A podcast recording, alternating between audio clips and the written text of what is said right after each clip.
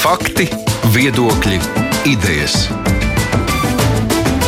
Raidījums Kruspunktā ar izpratni par būtisko. Stamsons šeit studijā. Mēs piekdienās ar žurnālistiem Kruspunktā pārnājam, kāda šī nedēļa ir bijusi. Nu, kas tad mums šonadēļ ir bijis aktuāls? Laikam tā skaļākā ziņa bija par vakcinēšanas apturēšanu ar AstraZeneca vakcīnām.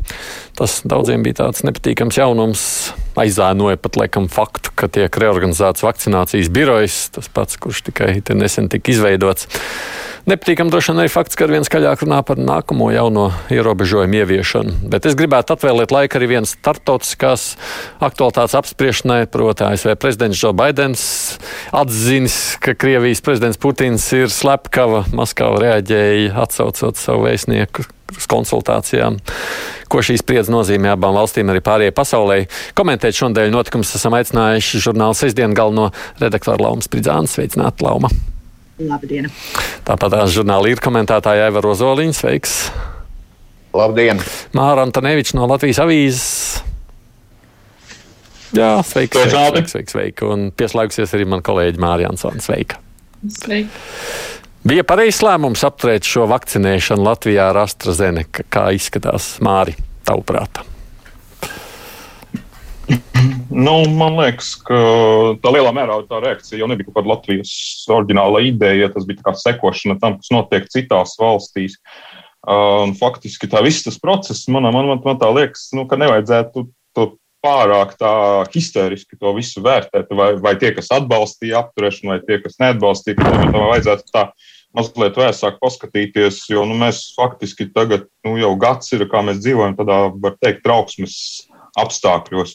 Trauksmes apstākļos viena no tādām iezīmēm ir tas, ka tāda pastāvīga baiļu sajūta, un, un, un tāpat kā mums ir teiksim, bailes no šī vīrusa, sabiedrībai kopumā visās valstīs sabiedrībām ir bailes, un, un tas ir saprotams, bailes, ka savā, savā ziņā tāds pašsaglabāšanās instinkts. Tā arī šajā gadījumā bailes ir arī pēkšņi no kaut kādas vakcīnu blaknēm. Uh, Nu, tas, ka blaknes mēdz būt visādiem medikamentiem, tas jau man liekas bija skaidrs pirms šo vakcīnu sāka izstrādāt, ka visticamāk kaut kas tāds būs. Jautājums, kā uz to reaģē, nu, acīm redzot, tā baiļu sajūta, tā tā, nu, tā mazliet histēriska reakcija, kas, kas ir arī uz dažādiem covid izplatības. Tagad jaunie paveidināk arī ir diezgan tāda, tāda lielas bailes.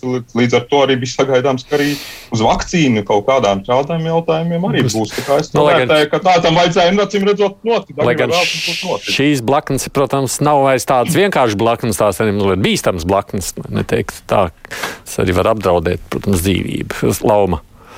Jā, es galīgi to nesauktu par histērisku reakciju. Es laikam būšu tā, kas uh, teiks, ka to noteikti vajadzēja. Tas bija pareizs lēmums uh, tieši tāpēc, ka ņemot vērā šo pātrināto apstiprināšanas procesu vakcīnām, ir skaidrs, ka tas, šie medikamenti nav izgājuši pilnu uh, parasto ciklu, kā tiek apstiprināts tāda veida vakcīnas, tad, nu, manuprāt, šeit nebija nebija lieki vēl viena pārbauda. Un, ja vispār šādas aizdomas bija, tad labāk viņas ir pašā saknē jau pārbaudīt un, un, un novērst, kamēr tas nav tā, ka nezinu, ir savakcinēti visi visās valstīs, un tad pēkšņi atklājās, ka kaut kādas tādas būtiskas problēmas ir. Nu, tev ir pārliecība, ka tagad ir pārbaudīts? Nu, es teiktu, ka tur ir izdarīts droši vien labākais, ko varēja izdarīt. Nu, tas vienalga ir pātrināts process, vienalga mums jāatcerās šie ārkārtas apstākļi, bet nu, katrā gadījumā tas ir vēl viens tāds. Uh, uh, nu, vismaz ķeksīts. Uh, uh, uh, ķeksīts. Vismaz papildus pārbaudas. Cik sīts ir ievilkts? Jā, tikko bija ziņas vienkārši pirms jūs tikāt pieslēgt pie ētera, kurā nu, skaidroja, kāpēc jā, tad vakcinācija, tā tad Eiropas zāļu aģentūra devusi atļauju, un tad Norvēģu ārsti, kas saka, ka viņi jau pēc tam, nu, proti, līdz aģentūrai nepanāca, ka viņi ir jau noskaidrojuši tur kaut kādu saikni, lūk, kāpēc tas tā ir noticis, bet, nu, lūk, Eiropas zāļu aģentūra vēl nav to paspējusi ņemt vērā, savukārt jau dodot šo zaļo gaismu, kas arī, protams, radīja tādu jautājumu zīmi Mārta, tur tā norēģēja ar skepsi par to eh, ķeksīti. Par to pārbaudi? Jā. Jā, nu es domāju, ka tā pārbauda bija drīzāk kaut kāda informācijas kārtējā apkopošana, nevis tāda pārbauda pēc būtības, jo nevar neko tik ātri pārbaudīt. Bet eh, nu, es domāju, ka it īpaši, kur šī vakcīna ir vairāk izmantota, ka tur jau uz vietas arī ir ir nu, kaut kādi dati vākti, kurā brīdī ir kādas reakcijas bijušas. Un, protams, arī šāda informācijas pārbaude var sniegt arī kaut ko, nu, kaut kādu pienesumu. Tajā pašā laikā, nu, cik es sapratu no Eiropas aģentūras vadītājas, viņam arī tāpat minēja, ka tomēr ka šīs problēmas ar trombozēm, ka, nu, ka tās nav izslēgtas un ka tās tiks vēl pētītas. Tas jautājums nav līdz galam atrisināts, vismaz cik es dzirdēju. Uh, skatoties ziņas, bet uh, atbildot uz tavu sākotnējo jautājumu, bija pareizi vai nebija pareizi. Nu, man liekas, šajā situācijā jebkas, ko izdarītu, būtu kritizēts, uh, aptur slikti, neapturētu arī slikti, jo tad būtu uzreiz aizdoms, kā visu apturu mēs neapturam. Mēs gribam iz, izšpricēt visiem to vakcīnu. Man šķiet, ka labāk bija apturēt, lai nu, dotu vismaz kaut kādu papildus skaidrību, savākt kaut kādu papildus informāciju. Un, kā jau Lapa teica, tā zāles ir apstiprināts pātrinātā kārtībā, un tāpēc nu, pēc iespējas ir nepieciešama piesardzība. Bet ņemot vērā arī to ātrumu, cik mēs eh, vakcinējam, ar kādu ātrumu, nu, mēs neesam tik ļoti iekavējušies jo mūsu vakcinēšanas temps ir tik zems, ka. Nu, mēs esam otrie, otrie zemākie Eiropā, vēl tur Bulgāri. Tieši tā, un šīs pāris dienas neko tik būtisku nemainīja. Nav tā, ka mēs te būtu simtiem tūkstoši vakcinēti. Nav tas gan taisnība jautājums, protams, kas pēc šīm pāris dienām ir mainījies. Aivar, ko tu domā par visu šo sāgu? Nu, šis gadījums atgādināja, ka arī lielas valsts nav imūnas pret populismu, tāpēc vien, ka ir lielas. Nu, ja tas notiek Vācijā, Francijā, Itālijā nolēma piebremzēt un apturēt vakcinēšanu, tad jau, protams, kur tad nu mūsu mazā Latvijā, kurā turklāt lēmums neapturēt, tad, atkal tur tiktu interpretēts tā, ka atkal lobē to redz AstraZeneca vakcīnu. Nē, vai arī grib noindēt, jeb sabojāt, nu, tā kā nošpricēt nu, savus mēs, cilvēkus. Ka mēs atceramies visu to drausmīgo sāgu pagājušu rudenu ar, ar, ar citu vakcīnu nepirkšanu un koncentrēšanos tikai uz šo vakcīnu, kas, protams, ir atsevišķs stāsts, bet šoreiz vienkārši nu, tur laik, laikam nebija izvēles. Bet, Uh, interesantākais visā stāstā, man vismaz pašam šķiet interesantākais, ka varbūt mēs to kādreiz sapratīsim, kāpēc tāda negatīvas informācijas lavīna par šo vienu no visām vakcīnām, ka tikai tai varot būt kaut kādas blaknes. Es saprotu, tagad Norvēģijas ārstus, kuri, kuri, kuri nonākuši diezgan tādā pēc vakardienas Eiropas zaļu aģentūras lēmuma uh, rekomendēt uh, šo vakcīnu nonākuši diezgan interesantā situācijā, jo viņu ziņojumi jau bija viens no to sākotnējiem ziņojumiem, bija viens no uh, šo baumu epicentriem. Bet, bet nu, katrā ziņā Nu, tas nenāk par labu ne sabiedrības, eh, tas neveicina sabiedrības uzticēšanos vakcīnām vispār un, un vakcinēšanās procesam kopumā. Un Latvijā tas ir, ir īpaši sāpīgi, jo uh, šai vienai vakcīnai mums praktiski nav alternatīvas. Nu, trešdien ar, ar, ar Pfizer un Moderna vakcīnām savakcinēt 159 cilvēki. Nu, mēs jau varam teikt, ka tās dienas, dažas dienas neko neizšķir, bet kuras dienas tad izšķirs? Tā jau mums ies līdz Ziemassvētkiem. Redz, kā Briti turpina masveidā un triecienu tempā vakcinēt tieši ar šo vakcīnu. Par kaut kādām blaknēm īpaši ziņojumu nav. Un, un, un vasarā, kad mums te būs uh, Jāņa lockdownā, viņi sēdēs pabos mierīgi. Un mēs gaidīsim atkal Ziemassvētkus, kad būs tas izšķirīgais brīdis, kad mēs sāksim vakcinēt. Nu, bēdīgi, bēdīgs stāsts. Nu, kā Ilves to nodēvēja pārfrāzēdams, teicienu pūļa imunitāte, proti herd immunity, viņš nodēvēja to par herd insanity, pūļa vaiprāts. Nu jā, mēs redzējām, valstu reakcija tiešām bija atšķirīga. Lietuva arī sacīja, nē, nē, viņa neļausies šim vaiprātam. Nakšē arī tā tāpat tās aizliedz kā Latvija, tā, savukārt Nu, Igaunija. tā, ja lavīna, ja lavīna sākas, tad jau jā, jāseko līdzi pūlim. Bet man nav skaidrs, protams, ko šīs divas dienas ir devušas šobrīd, izņemot to, ka nu, ir tiešām ķeksīts tajā visā ievilkts. Un jautājums, ko uzdeva lauka ģimenes ārsta asociācijas vadītāja, kā tas tagad ietekmēs visu šo vakcinācijas procesu, jo viņa paredz, ka tagad tā jau diezgan piesardzīgās bažas nu, nebūs kliedētas un viena daļa atteiksies vakcinēties. Jūsuprāt, kādas šim visam varētu būt sekas, uh, Lauma? Nu, es nezinu, es tomēr palieku pie tā, ka es par populismu to nesaucu. Un es domāju, ka, lai arī būs daļa cilvēku, kuriem droši vien tas viesīs papildu bažas, būs arī daļa cilvēku, kuriem uh, tomēr tas, ka ir vēl viena kaut vai informācijas apkopojums, bet ka vēl vienreiz tas tiek pārbaudīts, nu, tas tomēr ir viesīs arī kaut kādu um, mazliet lielāku kaut vai drošības sajūtu. Jā. Tāpēc es uh, palieku pie tā, ka tas bija pareizs lēmums. Uh, cits jautājums ir, kas, manuprāt, arī, ja es tagad nekļūdos, nāca no uh, taisni no lauka ģimenes ārstiem, uh, kuri uzsvēra, ka nu, vismaz reģionos viņuprāt ir nepareiza šī pieeja, ka tiek uh, noteikts ļoti strikti tās prioritārās grupas, un tad tiek vakcinēti tikai cilvēki virs 70 gadiem, ka viņuprāt. Vajadzēja ļaut šim procesam notikt raitāk, un, un, un ka, piemēram, tie gribētāji, kas, kas gaida rindā uz vakcīnu un kas vēlas vakcinēties un kas ir varbūt neietilpst šajā prioritārajā grupā, ka vienalga viņiem vajadzēja ļaut um, arī um, nu, jau, va- jau notikt šai vakcinācijai, un varbūt kādā brīdī, kad uh, nezinu, tur prioritārajā grupā ir kaut kāda pauze iestājusies, bet ir gatavībā cilvēki, kur no citām grupām uh, grib vakcinēties, ka viņiem atļaut šo procesu. Un tur gan es domāju, ka mm, ir liela taisnība, tāpēc ka varbūt tas ir jāskatās kaut kā atsevišķi par reģioniem. um, Nezinu. Uh, droši vien, ka tur arī kaut kāda sistēma ir jāizstrādā, bet tas, ka ļaut šim procesam notikt raitāk, uh, varbūt tik ļoti neieciklējoties uz to, ka kāda vakcīna ir aizgājusi ārpus prioritārās grupas, uh, tas, manuprāt, par to ir noteikti jādomā. Jā, bet, nu, skatoties, protams, uz šo jau arī parādījās tāds debats, ka varbūt vajadzētu ļaut vakcinēties citiem, ja ņemot vērā, ka šobrīd AstraZeneca daudziem šķiet aizdomīga. Lietuva to pat izteica oficiālā līmenī, ka viņi varētu apsvērt šādu variantu. Laikam tieši tā tas nav noticis, bet, nu, tomēr arī Latvijā te bija aizgāja viļņošanās, nu tad ļaujiet mums vakcinēties, kas uzņemamies savu risku. Kāds šim, atgriežos vēl pie šī jautājuma, tad varētu būt seks visai šai aizslēgšanai? Tur vajadzētu tādām parādīties vai nē, Māri?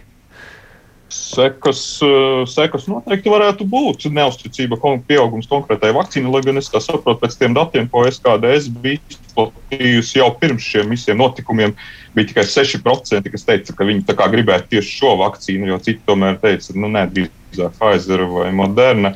Bet tieši tā.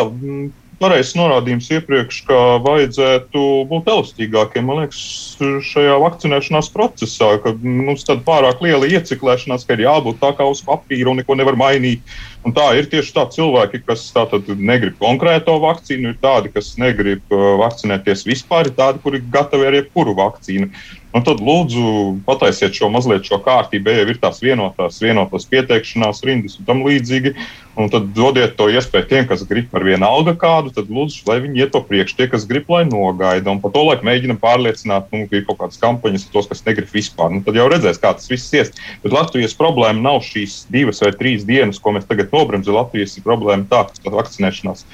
Vakcīnu nav un vakcinēšanās nenotiek. Tā ir galvenā problēma. Nevis uh, problēmas ar AstraZeneca šobrīd. Es piekrītu Mārim. Mārs jau ļoti arī skaidri pateica par to, kā vajadzētu organizēt rīnas, jo ņemot vērā šos uh, daudzos cilvēkus, kuri ir gatavi vakcinēties ar jebko, bet viņiem kārta pienāks nezinu kad, nu tad vakcinējam uh, ar tām vakcīnām, kuras mums ir, visus, kur ir gatavi, un tad tas lēnām ies uz priekšu, tad arī tie, kur baidās no AstraZeneca, sagaidīs savu Pfizer, es domāju, ka tas būs tas maksimālais efekts.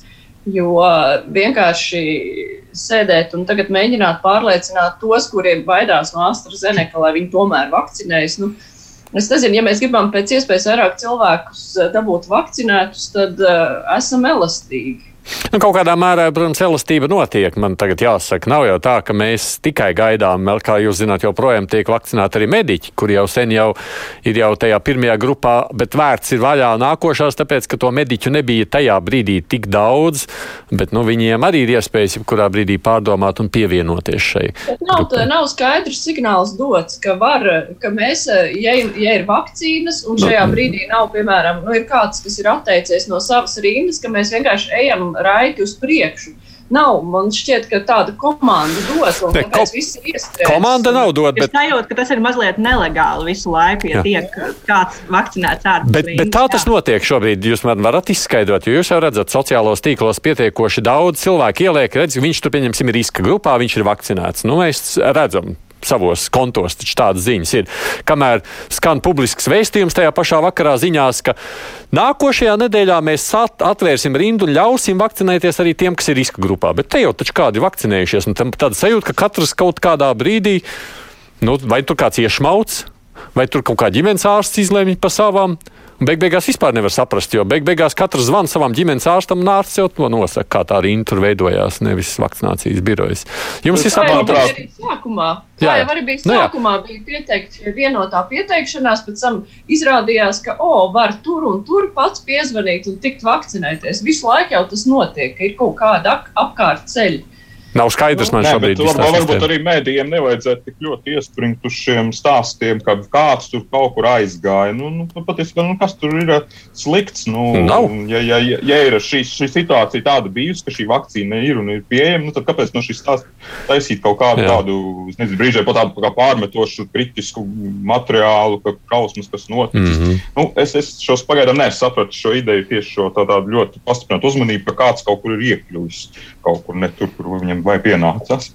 Vai var, tu gribēji teikt? Es gribētu teikt, ka mēs apspriežam mazliet hipotētisku problēmu, un, proti, negluži aktuālu problēmu. Nu, kā jau um, Mārta Mār teica, ka vajadzētu būt elastīgākiem, bet, nu, piedodiet, kā, pa kādu elastīgumu var runāt, ja problēma ir elementāra. Vakcīnu nav. Un tur mēs neko Nu, nevaram apspriest. starpība, ka- Vai mēs Jā. pierunājam, vai kāds tur nobīstās no tās AstraZeneca un nevakcinējas? Kāpēc tas ir jāapspriež vispār pašlaik? Nē, nē, kāpēc man mēs to sākām jāapspriež- apspriest? Tāpēc, ka Sarmīta veida ģimenes ārsts, kā Aidis citēja, esot teikusi, ka nu, nu viss vairs nenākšot pie viņas. Kazlauskas kundze. Nu, nu, kas tā lai neiet Tas pie Lauskas, viņa. jā. Es, es iešu pie sava ģimenes ārsta. Es ne, tad neiešu pie veidas, ja pie viņas neviens nenāks. Ne, Es iešu pie kundze, ģimenes ārsta. Kad, kad tās vakcīnas būs, bet es esmu reģistrējies, man nekādu paziņojumu nenāk. Jums ir pienākuši kaut kādi, ka jūs varētu jau. Mums vēl ilgi nepienāks, protams, jā, tas ir skaidrs. Jā. Nu, nu, man šķiet, ka būtu jārunā par pirmkārt un galvenokārt par to, kāpēc nav vakcīnu.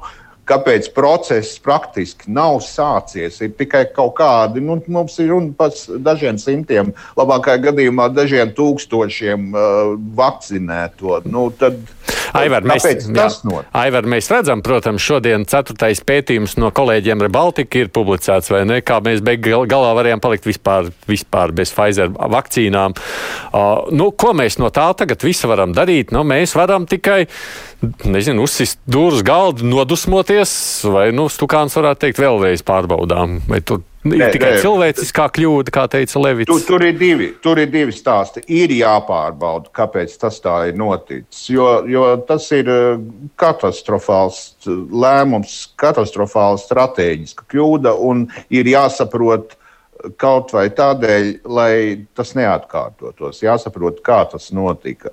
Bet otrs jautājums, ko darīt tagad? Tas ir cits bloks, kādā veidā um, pašreizējās valdības vadībā un pāraudzībā un veselības ministrijas tiešajā atbildībā organizēt vakcinēšanās procesu. Mēs redzējām nu, pat pirms nedēļas, ka pat, pat tur kaut kādas kā kariņš dusmojās, desmit tūkstošus vakcīnu nevar nogādāt līdz uh, potēšanas punktiem.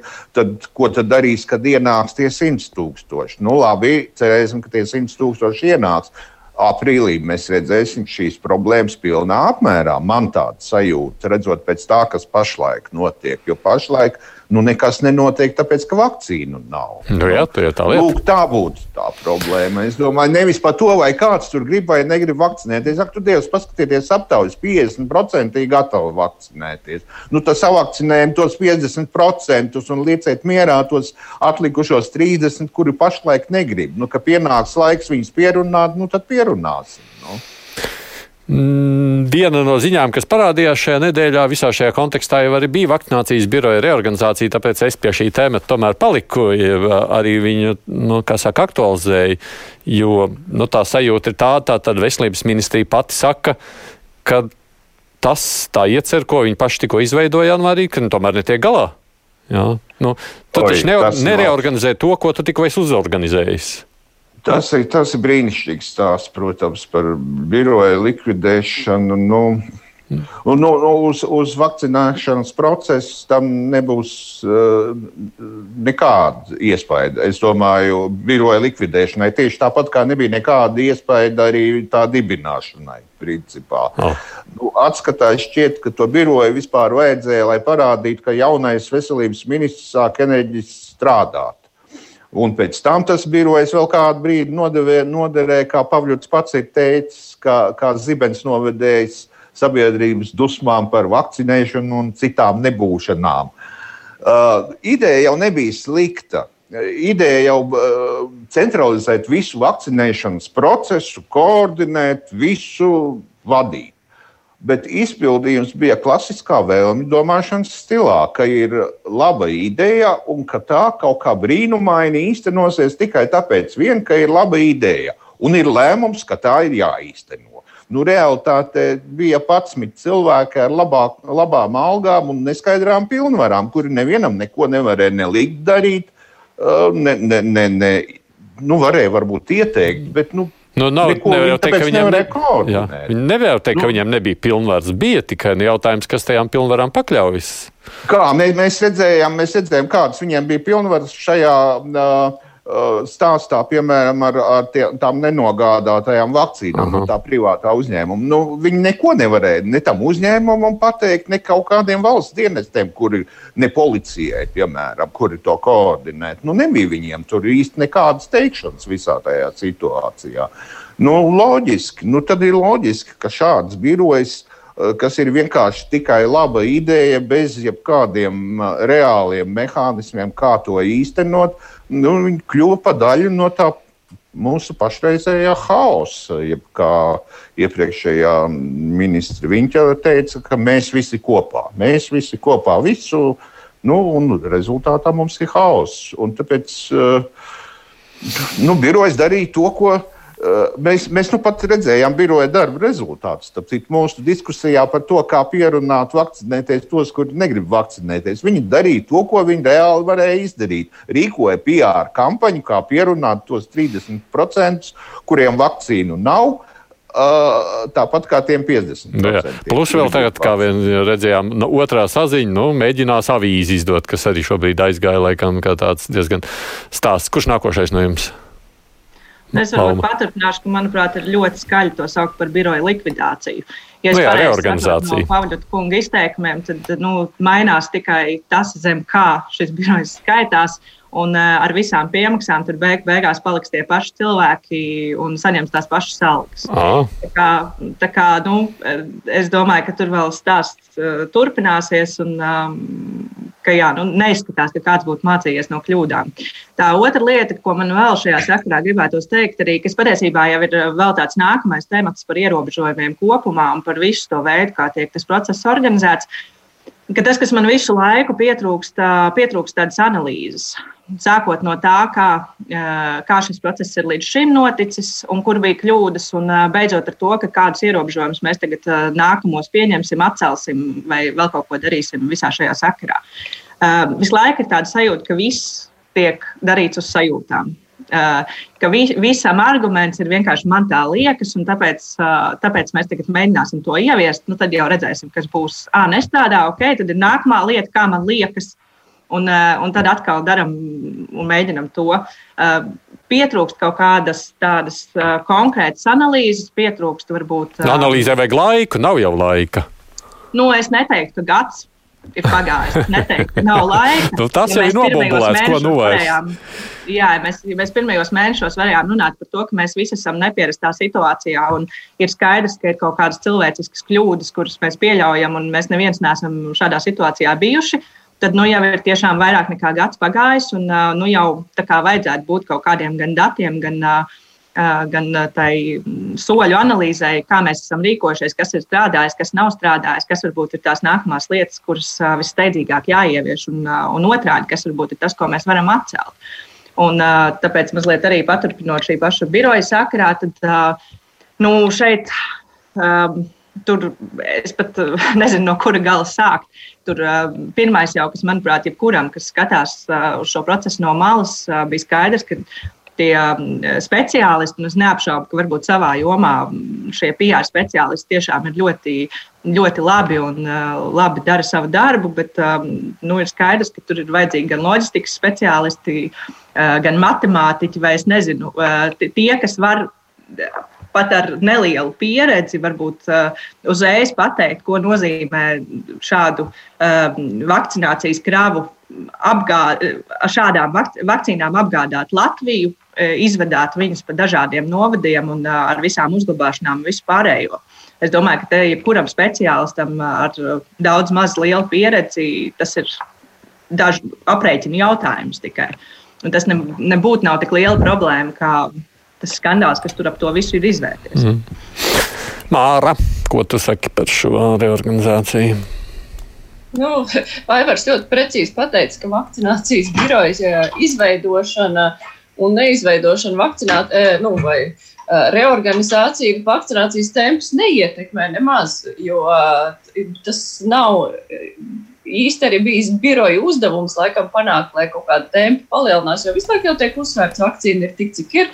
Nu, viņa uzdevums bija pārliecināt cilvēkus, ka vajag vakcinēties. Pat ar to viņi īsti, man liekas, nu, nav tikuši galā. Jo, uh, Nu, es nezinu, vai cilvēka attieksme ir kaut kā būtiski mainījusies tieši šī biroja darbības rezultātā.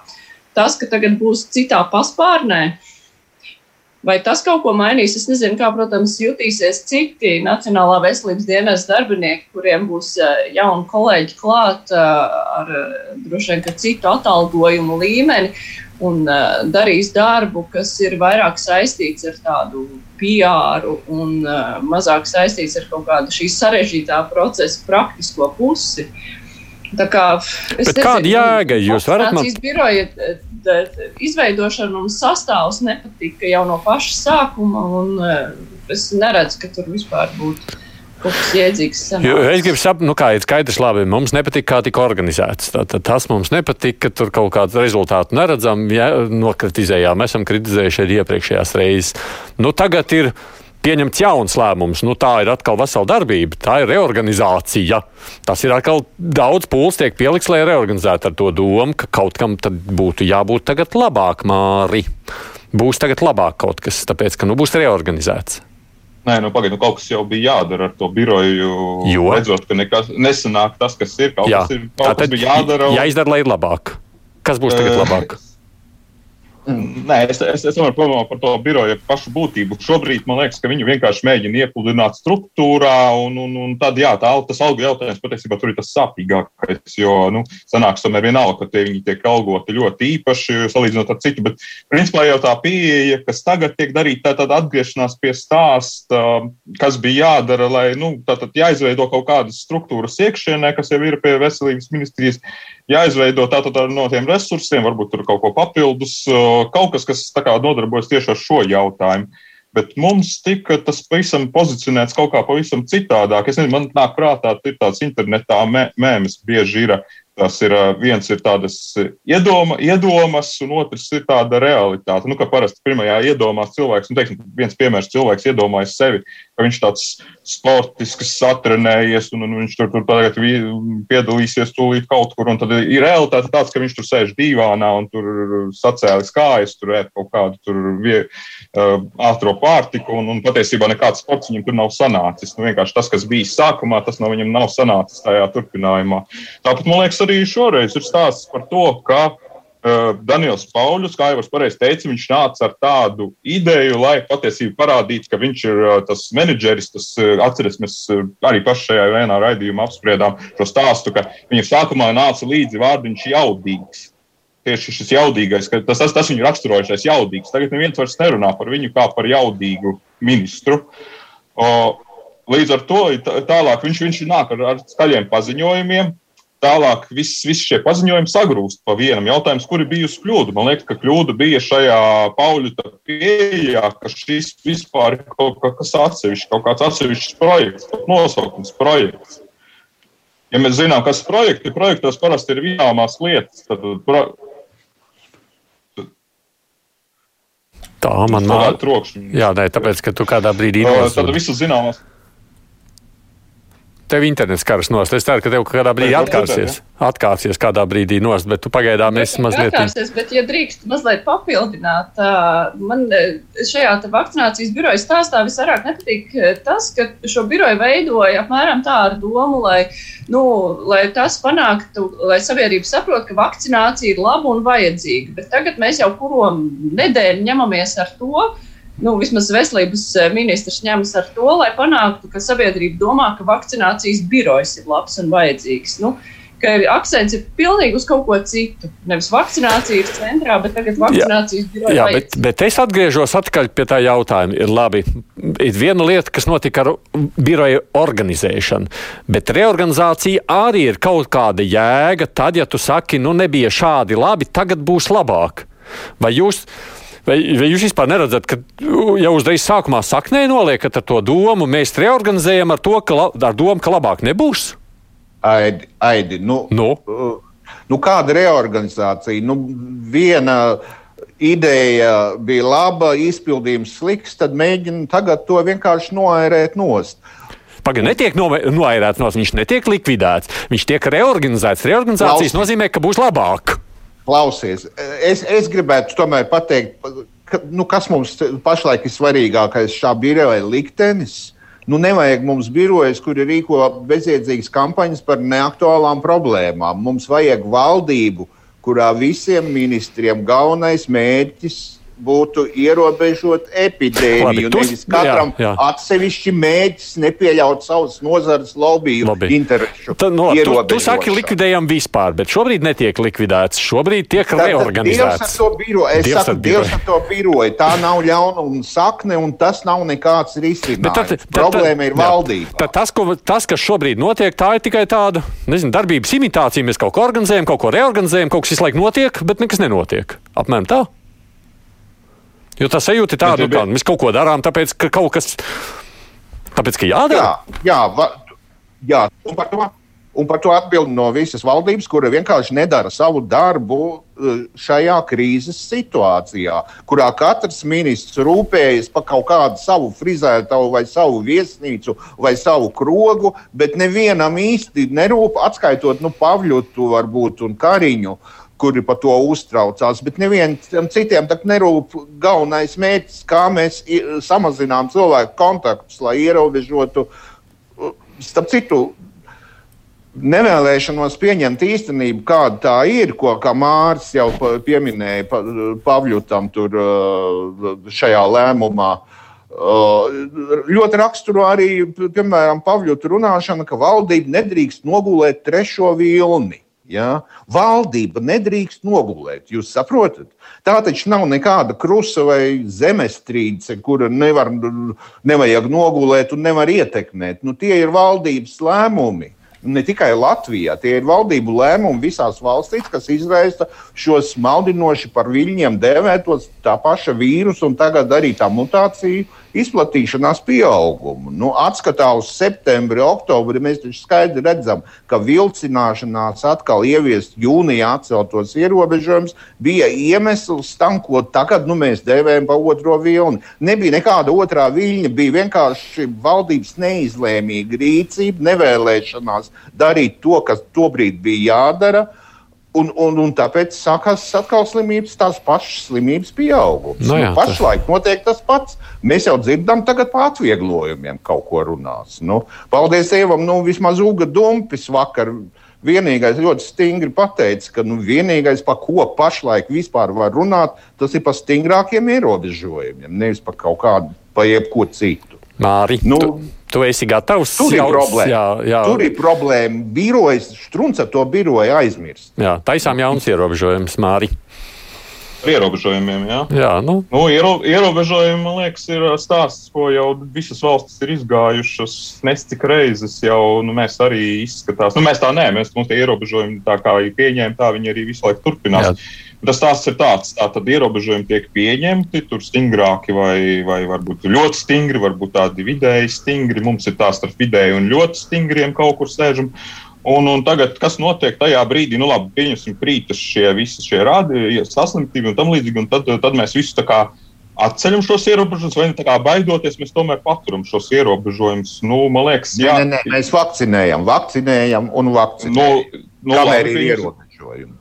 Labi, tad, tad, tad vismaz ir kaut kāds mērķis līdz vakcīnas beigām, jo līdz pagaidām tas izskatās tieši tā, ka tā, tikko tu visu atlaid vaļā, nāk tātad, nu, vai vēl vilnis vai kas, un kā mēs viņu dēvējam, un viss sākas no jauna. Ja ar vienu noteikumu, ja tiek attaisītas robežas, nu, vai arī attiecīgi pirms tam viņas ir jāslēdz, lai viņas varētu attaisīt. Jo, piemēram, Jaunzēlanda, jā, viņi dzīvo kaut kādā savā izolācijā un vispār nevienu nelaiž sev klāt, un jā, viņiem ir brīva dzīve. Jautājums, Izraela nav sāla. Tur cilvēks sēž krogos jau tagad. Uh, Izraela tikai tikko, tikko to ir sākusi. Man patiesībā mazliet šis stāsts mazliet vakar mani uzzina pesimismu stāsts par kaut kādu jauno Brazīlijas variantu, kas vispār nekādas vakcīnas neņemot vērā un, un vispār esot ļoti bīstams tieši jauniem cilvēkiem, mirstība tieši jaunu cilvēku vidū paaugstinās. Nu, ja palasa šādu stāstu, ka nāks kādas nākamās mutācijas, kur tās vakcīnas vairs ne, tad arī Izraēla vairs nebūs veiksmīgs stāsts. Tā tikai Jaunzēlanda paliks, kas joprojām sēž savā cietoksnī un nevienu nelaiž iekšā. Lielbritānija būs veiksmīgs stāsts, īrija droši vien būs veiksmīgs stāsts. Lietuva, no, Aivar, Aivar, tu, tu par Brazīlijas variantu lasīji? Pagaidā, pagaidā. Pagā. Klausies, kamēr atnāks Brazīlijas variants, mums ir ātri jāizdomā, ko mēs ar to darām. Ko nozīmē lasīt? Ko nozīmē lasīt? Mums ir reāli. Vi, viņ, viņam vakcīnas, vakcīnas nav viņam šķērslis. Māri, mums ir reālā situācija. Mums ir uh, valdība, kas runā, ka jāatvieglo ierobežojumi, un tajā pašā laikā mums nav vakcīnu, ar ko vakcinēt cilvēkus. Nu, tā ir reālā no. situācija. Nu, es, domāju, es domāju par, par, par, to, par to ierobežojumiem tā, ka viņi jebkurā gadījumā ir jāpārskata. Uh, jo, teiksim, nu, pārliecināti, kāpēc laukos veikals jātur ciet, kāpēc tur nevar ieiet viens cilvēks un nopirkt to, kas viņam vajadzīgs, ka tur ir tikai viņš un pārdevējs.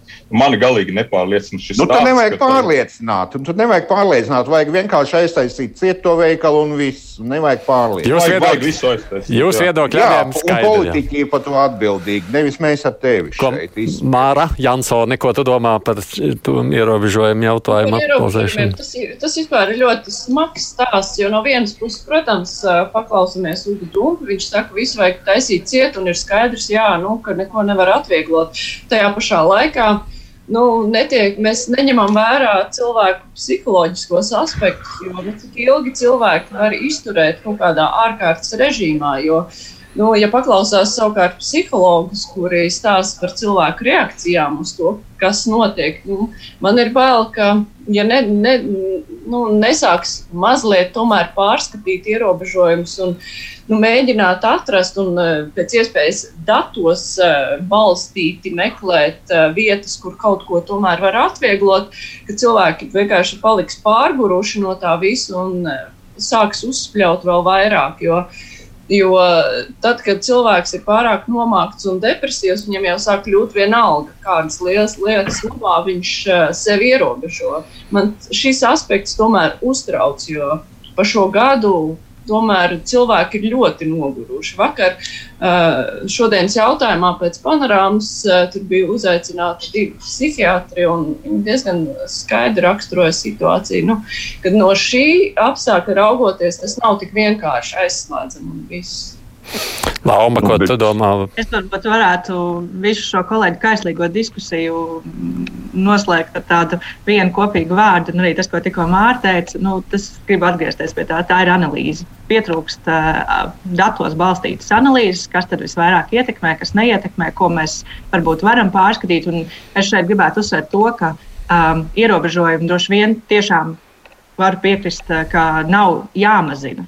Viņi nav jāpadara vaļīgāki vai um, brīvāki, bet uh, viņi ir jāpārskata ik pa laikam un uh, jāsaprot, kas ir tās lietas, kas strādā, kas ir tās lietas, kas varbūt nav tik nozīmīgas. Um, es piekrītu kolēģim par to, ka varbūt uh, tas, kas strādā veikals laukos uh, un teiksim, var ienākt pa vienam pircējam, uh, lai iegādātos kaut kādas lietas, tas varbūt nav tas, tas lielākais trakums. Uh, nezinu, Jo tāpēc, ka vienlaikus notiek kaut kādi atkal citi mīkstinājumi, kas nu, tur viņus noliekot blakām, nav skaidrs, kāpēc, kāpēc tas viens tiek padarīts stingrāks un otrs atkal sakot, saprātīgāks to lietu paskatīties. Jā, tur prasās vienkārši analīzi un analīzē balstīt arī šie lēmumi. Es... Jā, bet par tā analīzi runājot, vai mums jau nebija pētnieki, kas pusgadu mums tur kaut ko pētīja, tikai kaut kā tie rezultāti mēs tā kā viņus. Nu, mēs jau, man liekas, man liekas, ka mēs esam ārši šeit katru nedēļu to tematu atgād, atkārtojam. Tur jau mēs arī ejam uz rīņķi ar to analīzēs balstītajiem pētījumiem, līdz ar to. Jā, bet viens ir pētījums, otrs ir vai tas tiek ņemts vērā. Nu, šobrīd izskatās, ka tas netiek ņemts vērā. Ja tāda vispār mums ir vēl joprojām, kas ir tādā ziņā vērts ņemt. Es saku, atgādinu, ka mums šeit ir četri žurnālisti, runājam par nedēļas aktualitātēm Mārija Ansone, Mārs Antonēvičs, Aivars Ozoliņš un Laumas Pridzāni. Raidījums Krustpunktā. Es tam arī izmantošu laiku, ka man vēl ir vairāk laika nekā parasti tikai pēdējās minūtes, lai par starptautisko parunātu. Ja būs laiks, mēs varam atgriezties vēl pie Latvijas lietām, bet runājot par šīm aktualitātēm. Tas, ka Baidens atzina, jeb nodēvēja Putinu par slepkavu. Māra, tev tas šķiet pārsteigums? nu, pārsteigums varbūt tā, tāpēc, ka nu, viņš tā ļoti skaidri atzina, ko viņš domā, bet tajā pašā laikā. Nu, Es, es, ne, nu es tā ne, ne, ne, ne, man tas nav ne pārsteigums, ne nepārsteigums. Es nebiju domājis, vai viņš to izdarīs vai neizdarīs. Bet uh, tas, kas uh, visā šajā stāstā man liekas loģiski, ir. Nu, uh, ņemot vērā, ka ievēl, pēc Baidena ievēlēšanas uh, bija diezgan daudz kliedzieni par to šausmas, tagad, uh, kāda, kas tā ir pie varas būs Amerikā, ka tagad viņi aizies Krievu pavadā. Uh, nu, mēs redzam, pilnīgi noteikti, ka tas tā nenotiks. Nu, bija tādas sazvērstības teorijas, kuriem ir viss, kas uh, nav konservatīvs, ir uh, kreisas un Krieviju mīloši. Ir tādi atsevišķi viedokļi, vismaz sociālajos tīklos, nu varbūt tas viņus pārliecinās. Tas, ka viņš ir pateicis eh, ļoti skaidru attieksmi pret Putinu, jā, tas bija gaidāms un ļoti labi uh, uz visa kopējā fona ir beidzot uh, ieskanējusies uh, ļoti skaidra Amerikas pozīcija, ko tā domā par Krievijā notiekošo. Bet uh, mani varbūt ne tik daudz pārsteidz tas, uh, ko Baidens teica, bet uh, tas Putina atbild, kas savukārt man nevisai pārsteidz. Tas, uh, nu, tādā bērnu dārza līmenī, kas uz citiem saka, tas pats arī ir. Nu, tas tikai liecina to, ka viņam tiešām nav ko teikt. Viņam nav ko atbildēt. No, viņš saka, aicinājis, ja tagad šodienas ziņa bija, ka viņš aicina uz atklātu dueli tiešajā ēterā. Viņš un Baidens. Jā, nu, jā nu, tas ir tā, ir tā visa tā vecā retorika, kur viņš mēģina parādīt, kāds viņš ir varens un viņš ir gatavs dueļoties vis, visā, visādos veidos. Tajā pašā laikā pēc eh, tām atbildēm mēs eh, redzam, ka nu, Krievijā acīm redzot, tīri labi saprot, nu, ka, ka tur jau viņiem arī nav ko iebilst. Nu, Es nolasīšu. Jā, protams, tas, ka Putins pats ir bērs Navaļņiem indi, bet uh, tāpat mm. viņi zina, ka Navaļņīs nu, tika indēts. Krievijā tika indēts, un acīm redzot, ne jau kāds nejauši garām gājējis viņa indēja. Nu, nu, ASV slepenā dienas ziņojums, protams, kāpēc arī tā saruna notika, bija saistībā ar iejaukšanās vēlēšanās. Tur tas ziņojumā bija teikts, ka pats Putins ir devis pavēli, ja tātad parakstījis, ja devis pavēli tādā veidā to darīt. Tāpēc, jau acīm redzot, arī šis personiskais aspekts parādās. Es nolasīšu Ingas lasītu, rakstīto šādi. Mani ļoti uztrauc un liek vilties jaunais ASV prezidents. Nu, tādi vārdi nav pieļaujami divu kodolu valstu valdības līmenī, pat ja tas būtu atbilstoši patiesībai. Te ir cits līmenis. Tā izskatās, ka neviens ne otrs nedomā ar galvu par pasaules pastāvēšanu un riskē ar miljonu dzīvēm. Tāpēc jau valstu vadītājiem jābūt prātīgākiem par pagalma puišeļu metodēm. Kā jūs komentētu šādu Ingūras nu, bažu pilnu Nu, tās ir tās pašas bažas, ko mēs dzirdam tagad no Kremļa.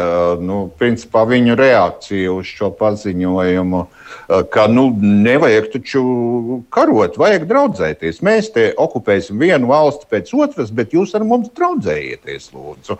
Jo citādi būs apdraudēta visa pasaules pastāvēšana, saprotiet.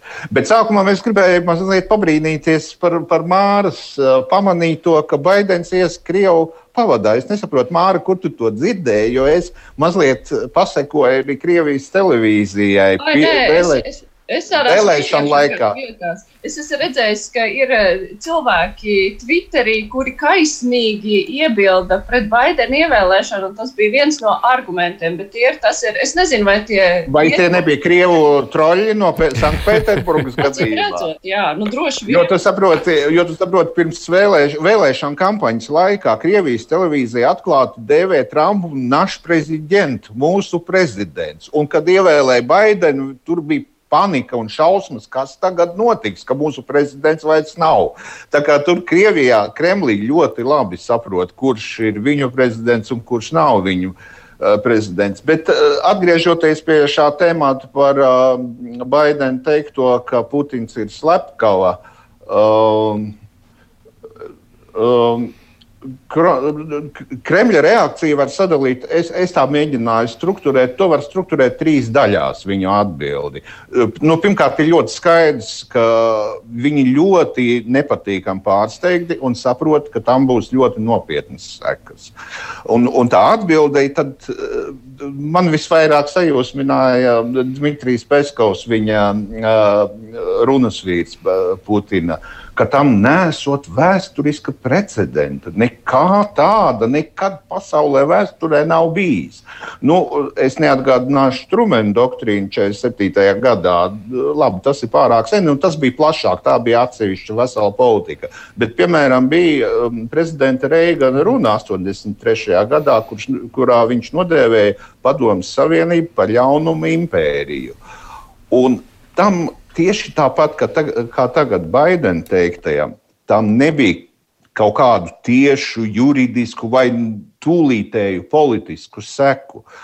Bet tas, kas notika, bija iespējams vēl daudz svarīgāk. Notika tas, ka visās sarunās ar tolaik Padomu Savienību, kā tagad notiks ar Krieviju, visās sarunās uh, fonā vai, uh, vai, vai teiksim, domāšanas, domāšanas fonā būs šis izteikums, jūs runājat ar slepkavu. Un tam būs ļoti nopietnas un tālējošas sekas. Un tāpēc Krievi to ļoti labi saprot Kremlī. Un, un, un, un, un tāpēc tika uzstājīgs šis otrais vēstījums, ko jau, ko jau, kas jau parādījās tajā nolasītajā Ingas vēstulē. Viņi kreņķējas, redz, tagad ārkārtīgi kreņķījās. Nu, kā tā, amerikāņi negrib ar mums uzlabot attiecības. Un nu, uzlabosim taču attiecības, jo mums taču ir kopīgs rūpes par visu pasaules drošību. Un adresāti šim vēstījumam ir pirmkārt Eiropā, protams. Tur ir, tur ir, ne, nu, ir arī precedents, protams, Amerikā, kad uzreiz pēc Grūzijas, gadu pēc Grūzijas uh, teritorijas, daļas teritorijas okupācijas Obamas eh, administrācija sāka restartu. Bet principā šī ir vēsts, ko vislabāk dzird Vācijā, Francijā, Itālijā, šeit, Eiropā. Labi, nu, lai ko tie krievi dara, draudzēsimies ar viņiem, jo citādi viņi kļūs vēl mhm. sliktāki. Labi, lai pārējie tiek vēl pie vārda Māri. Es, es gribu vēl. Es, Tā ir īsi, jo cilvēki viņam beigsies laiks. Tikai īsi, lūdzu. Par to diskusiju. Jā, es ceru, ka Baidens nepiekritīs šādai diskusijai publiskai. Tas būtu pārāk liels gods vienam brutālam slepkavam, uh, kad vēl kad ASV prezidents vēl nav runājis ar ļoti daudziem cienījamiem valstu vadītājiem. Okay, Tā nav divu veču personisko attiecību kārtošana. Un Krievija nav tik svarīgs partneris vai ienaidnieks pat. Uh, lai tai veltītu tik daudz laika, kā ASV prezidents sāktu diskutēt ar, ar tās vadītāju. Mārija Antoneviča. Jā, es redzu, ka de facto faktiski ASV ārpolitikā ir notikusi tāda nu, zinām, atgriešanās pie tā posma, kas bija Obamas prezidentūras noslēgumā. Pareizi Aivars atzīmē, ka tas pavisam citādāks bija Obamas prezidentūras sākumā, kad mēģinājumi bija apkamties ar Krieviju un, un mēģināt tur kaut ko īpašu izveidot, un tas izgāzās, diemžēl. Un, un, kas parādīja, ka Krievija tikai izmanto šo situāciju, ja kāds mēģina tur īpaši kaut kādas siltākas attiecības veidot. Varbūt Baidens ir bijis savos izteikumos, es saprotu, ka uh, viņš vienkārši ir tā runājis atklātāk, viņš nav bijis tik diplomātisks kā bija Obama, lai gan Obama arī savā pēdējā tajā posmā jau arī veltīja asas vārdus. Uh, cita lieta pa vidu, ja mēs skatāmies, ka bija Trumps, kuram bija tāda ļoti grūti nosakāma attieksme pret Putinu personīgi, pret Krieviju, bet ASV politika šajā laikā palika pat drīzāk stingra pret, pret Krieviju. Bet pretēji ir eh, tagad vai nesanāks tā, ka retorika ir stingra no Baidena puses, bet vai tie soļi būs? Nu, pagaidām viss izskatās, ka vārdiem sekos arī soļi. Nu, tā viņš solīja. Un, un, tā viņš solīja. Jā, un, un tā, tā, es domāju, ka tas, tas ir pareizi. Jā, nu, tā, tā būtu pareizi pieeja. Ja tu runā, tad arī dari. Pašā Krievijas pusē, Lauma, dodot tev vārdu, daudz diskusiju, kādi tie soļi varētu būt. Es, protams, viņi arī mēģina uzminēt, kād, kādas tās sankcijas tur varētu sekot. Lauma, ko tu saki par šo visu? Es arī gribu teikt, ka pārsteigums tas noteikti nav. Tas, ka šajā virzienā ies, tas bija skaidrs. Um, tas, ko mēs redzam, ka varbūt tiešām tā retorika ir bijusi ļoti, ļoti tieša, kas gan varbūt ir mazliet negaidīti, un uh, kas ir jūtams, tad tas ir negaidīti bijis vismaz Krievijas pusē noteikti. Jo, kā jau Māra minēja, šī nu, pirmā Putina atbilde ir kaut kas nu, vienkārši. Bērnišķīgs, lai neteiktu vairāk. Bet ir skaidrs, ka viņi nu, droši vien ir sagrupēsies un uh, kaut kādas atbildes vēl būs. Un, uh, kāds tālāk attīstīsies, es domāju, šobrīd to var tikai minēt. Tur jāskatās, kā tas viss tālāk ies. Jā, bet e, e, kuras jūs prāt tās soļi varētu sekot? Man ir viena minūte laika, tāpēc skatos, kurš no jums ir gatavs spriest par to, kam tad no vajadzētu. Nē, no Amerikas pret Krieviju. Nu, Ameri, nē, nu kā Ameri, viņi jau te runāja par uh, sankcijām, Jā. iespējamām sankcijām pret uzņēmumiem, kas strādā ar Nord Stream 2. Es domāju, nu, tas jau varētu būt pietiekoši, man liekas, uh, Nu, šobrīd tur ir runa. Tāda retorika neizskan tad, ja šie soļi jau nav skaidri, ko tālāk. À, tu teiktu, Lauma, kad ir jau zināms, kas notiks vai ne nākošais. Jā. Jā, jā, tikai jāgaida nākošā nedēļa. Tā, labi. Es saprotu, ka, ja mēs mēģināsim iesākt sarunu, tad mēs tālāk netiksim uz priekšu, jo, pēc sakot, būs ātri jābeidz. Tāpēc es jums saku paldies, cienījamie kolēģi, par šīs nedēļas apspriešanu. Nu, kā redzat, starptautiskie notikumi, protams, tikai vēl risināsies nākošajā nedēļā. Tā vismaz izskatās šobrīd. Amerikas Savienotās valsts varētu paziņot par nākošajām sankcijām, kādas tās spērt pret Krieviju. Visiem četriem kolēģiem saka Lāmas Pridzāna žurnāla sestdien galvenā redaktorā Evars Ozoliņš no žurnāla ir komentētājs Mārs Antonevičs Latvijas avīze un man kolēģi Mārija Ansona Latvijas radio par iesaistīšanos. Mēs kruspunktā, protams, turpināsim lielā mērā šodienas iesākto tematu par vakcinācijas lietu. Mums būs cilvēks no vakcinācijas biroja. Uh, lai arī kā lai es varbūt tajā visā ievilkt elpu. Uh, jauns puisis, nesen, starp citu, drīzāk Latvijā pārstāvēja tādās starptautiskās olimpiādēs vai spēlēs, bet turpināja mācības Kembridžā, uh, atgriezās Latvijā, darbojies SPKC, pēc tam pārgājis vakcinācijas biroja, studējis ir gan bioloģija, epidemioloģija, imunoloģija. Nikita Trojānsks mums būs šeit kruspunktā viesis. Nu, redzēsim, kāda šā saruna veidosies ar viņu. Um, tad jau skatīsim. Atgādījums raidījums ir dzirdams arī atkārtojumā. Šodien 9. vakarā pēc ziņām mūsu saruna, nu, protams, internetā, jebkurā brīdī mājaslapā var noklausīties. Producents šajā nedēļā kruspunktā ir Anita Brauna un studijā savukārt bija es Aidis Tomsons.